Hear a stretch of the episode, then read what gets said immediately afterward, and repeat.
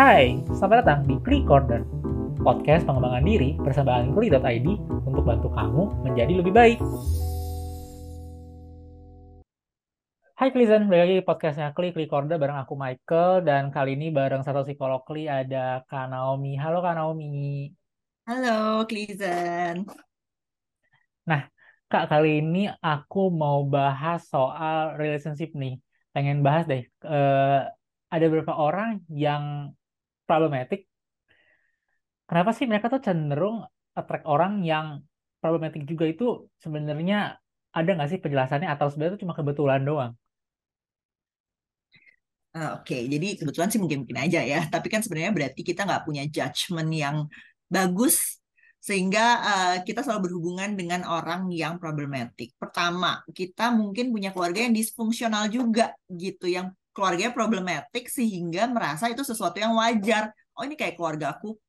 Jadi mungkin ya memang orang tuh memang harusnya begitu gitu. Lalu uh, mungkin kita juga adalah pendengar yang baik. Sebenarnya positif kan, tapi Eh, kadang-kadang kita jadi memberikan seluruh diri kita untuk mendengarkan terus sehingga orang yang problematik punya kesempatan untuk uh, menyuarakan uh, keluh kesahnya gitu. Lalu mungkin juga kita adalah orang yang tidak nyaman dengan konflik. Jadi kita nggak bisa nolak nih gitu. Jadi walaupun kita tahu sebenarnya ini orang menyebalkan, problematik, tapi kita juga nggak bisa menolak dan nggak bisa uh, memberi batasan untuk dia nggak masuk dalam hidup kita gitu. Lalu kita juga insecure, jadi kita bisa didominasi oleh orang lain gitu. Kita jadi merasa uh, tidak berani uh, untuk menolak kayak tadi gitu dan membiarkan orang tuh yang uh, dominasi. Lalu kita juga terlalu baik gitu, jadi uh, merasa bahwa oh semua orang tuh perlu didengarkan, semua orang itu baik, kita kasih kesempatan. Kadang-kadang kita tuh nice aja gitu. Padahal sebenarnya kita uh, perlu judgement yang cukup baik menilai orang, juga uh, perlu menyadari nggak semua orang punya intensi yang baik. Uh, dan kalau tidak punya intensi yang baik, tidak apa-apa kalau misalnya kita menolak dia dalam hidup kita gitu. Oke, berarti kalau dari yang aku bisa tangkap itu eh, problemnya juga karena mungkin kita jadi orang yang people pleaser ya, Kak. Benar, benar, benar itu juga bisa. Makanya kita nggak bisa set boundaries kan. Kita pengen menyenangkan orang lain. Kita juga nggak berani, nggak asertif walaupun kita tidak nyaman gitu. Kita juga takut respon orang buruk terhadap kita. Ah, oke oke. Tapi eh, aku agak menarik juga sih untuk nyorotin people pleaser ini. Maksud aku, eh, apakah kita jadi people pleaser itu sebenarnya apakah juga karena dari kecil misalnya kayak orang tua kayak bilang kita kita nggak boleh eh, jahat sama orang, kita harus baik sama orang. Itu sebenarnya secara langsung sebenarnya bisa nggak sih Kak ngaruh ke kita dan misalnya kayak secara langsung kita jadi besar dengan mindset bahwa ya semua orang harus disenangkan, semua orang harus kita berbuat baik itu sebenarnya termasuk nggak sih Kak? Bisa jadi berkontribusi gitu. Karena ya jadinya melihat uh, segala sesuatunya kan baik ya. Jadinya kita nggak punya sense untuk menilai orang tuh. Padahal kan sebenarnya nggak semua orang baik. Mungkin kita baik uh, sama semua orang. Tapi misalnya kalau orang itu jahat sama kita kita boleh kok untuk tidak terlibat dengan orang tersebut gitu. Tapi kan dengan kita didoktrin bahwa semua orang baik kita harus temenan sama semua orang uh, uh, kita nggak boleh menolak orang, kita jadi merasa tidak berani untuk menolak atau menjauhi orang-orang yang toksik atau bermasalah gitu. Padahal kan sebenarnya uh, kayak kayak misalnya kita harus berteman sama semua orang aja itu sesuatu yang menurutku salah gitu. Kita nggak harus berteman sama semua orang, kita berteman dengan orang yang misalnya sesuai dengan kita, orang yang baik, orang yang cocok gitu. Memang nggak semua orang bisa diajak berteman gitu. Oke, berarti uh, kok kayak gitu mungkin ke depannya kalau misalnya nanti aku udah jadi orang tua, berarti aku mesti ngasih tau ke anakku kayak kamu gak harus berteman dengan semua orang itu berarti harus ditanamin ya ke anak ke anak kita gitu ya. Benar, gitu. Misalnya kamu sudah berusaha baik pada orang itu, lalu orang itu jahatin kamu terus ya udah berarti memang mungkin kamu nggak cocok kali temenan sama dia dan kamu nggak harus temenan gitu. Jadi jangan sampai dia merasa bahwa karena harus berteman jadi walaupun dijahatin ya udah dia tetap uh, temenan aja gitu kan ruginya di dia jadinya.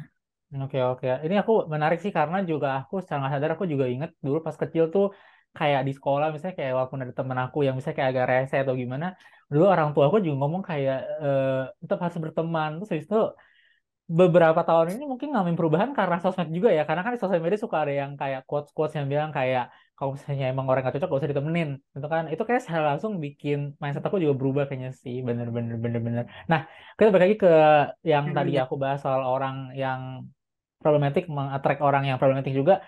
Nah, sebenarnya ada nggak sih Kak tips biar eh, orang-orang ini tuh nggak terus-menerus attract orang yang problematik gitu loh. Karena kan kalau misalnya kita lihat kayak yang tadi kita bilang, misalnya kayak aku juga adalah orang di, di sekeliling aku yang misalnya dia itu eh, karena dia insecure, dia selalu punya pasangan yang abusif kayak bilang kayak oh nggak ada loh yang mau sama kamu, nggak ada loh orang-orang eh, yang mau yang mau dan menerima kamu selain aku.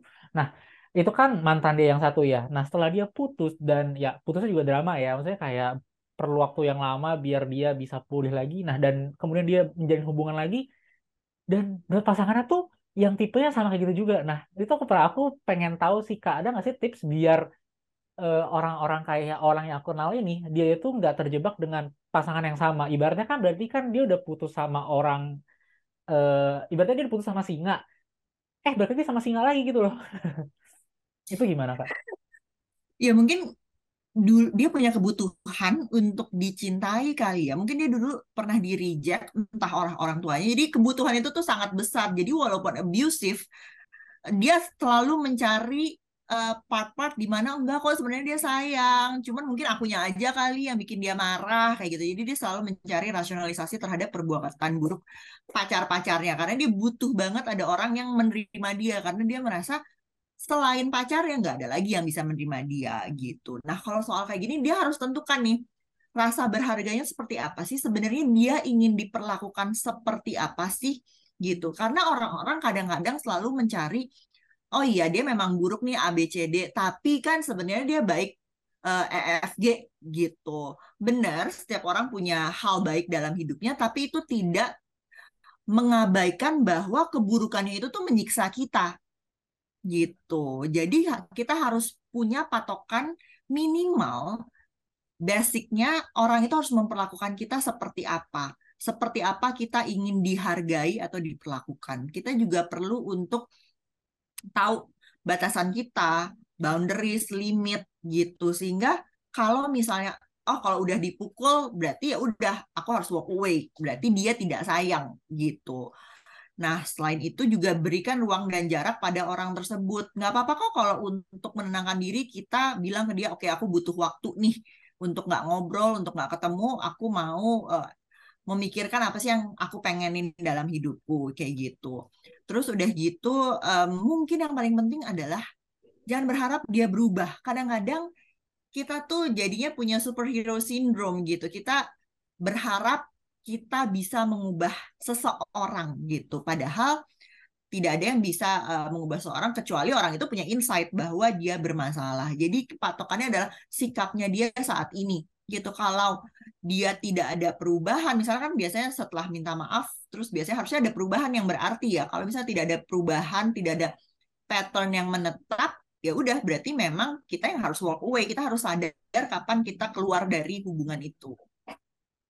Oke, oke, oke. Dan kayaknya ada beberapa orang yang denial ya. Maksudnya kayak dia udah tahu sebenarnya ini orang misalnya kayak pasangannya punya trait yang sebenarnya dia udah nggak cocok tapi kayak oh dia tetap ada sisi baiknya kok. Jadi maksudnya kayak mereka being denial aja itu juga bisa jadi salah satu penyebab juga ya. Benar, karena kita selalu mencari, mencari sisi baik supaya kita bisa menerima kembali orang itu gitu. Tapi kan uh, sisi buruknya jauh lebih memberikan efek ya buat kita dibandingin. Makanya aku selalu tanya secara keseluruhan sebenarnya kamu puas nggak? Kamu nyaman nggak? Kamu lebih banyak rasa takutnya nggak? Harusnya sih kalau hubungan yang baik tidak didominasi kecemasan rasa takut intimidasi gitu. Oke, oke, oke. Thank you Kak Naomi penjelasannya. Nah, buat Klizen yang merasa kayak kok aku pola hubungannya selalu dapat pasangan yang toxic atau problematik. Nah, mungkin boleh banget coba konseling ke psikolog Dikli. Ada Kak Naomi juga bisa konseling bareng Kak Naomi. Jadi bisa berproses biar memperbaiki diri juga dan punya hubungan yang lebih sehat. Oke, semoga penjelasan dari Kak Naomi membantu dan kalau misalnya menarik dan membantu Kristen yang dengerin, boleh banget nih podcastnya di-share ke teman-teman yang lain juga bisa biar pada bisa dengerin juga. Oke, thank you Kak Noe penjelasan ya. Sampai jumpa di Terima podcast kasih. selanjutnya.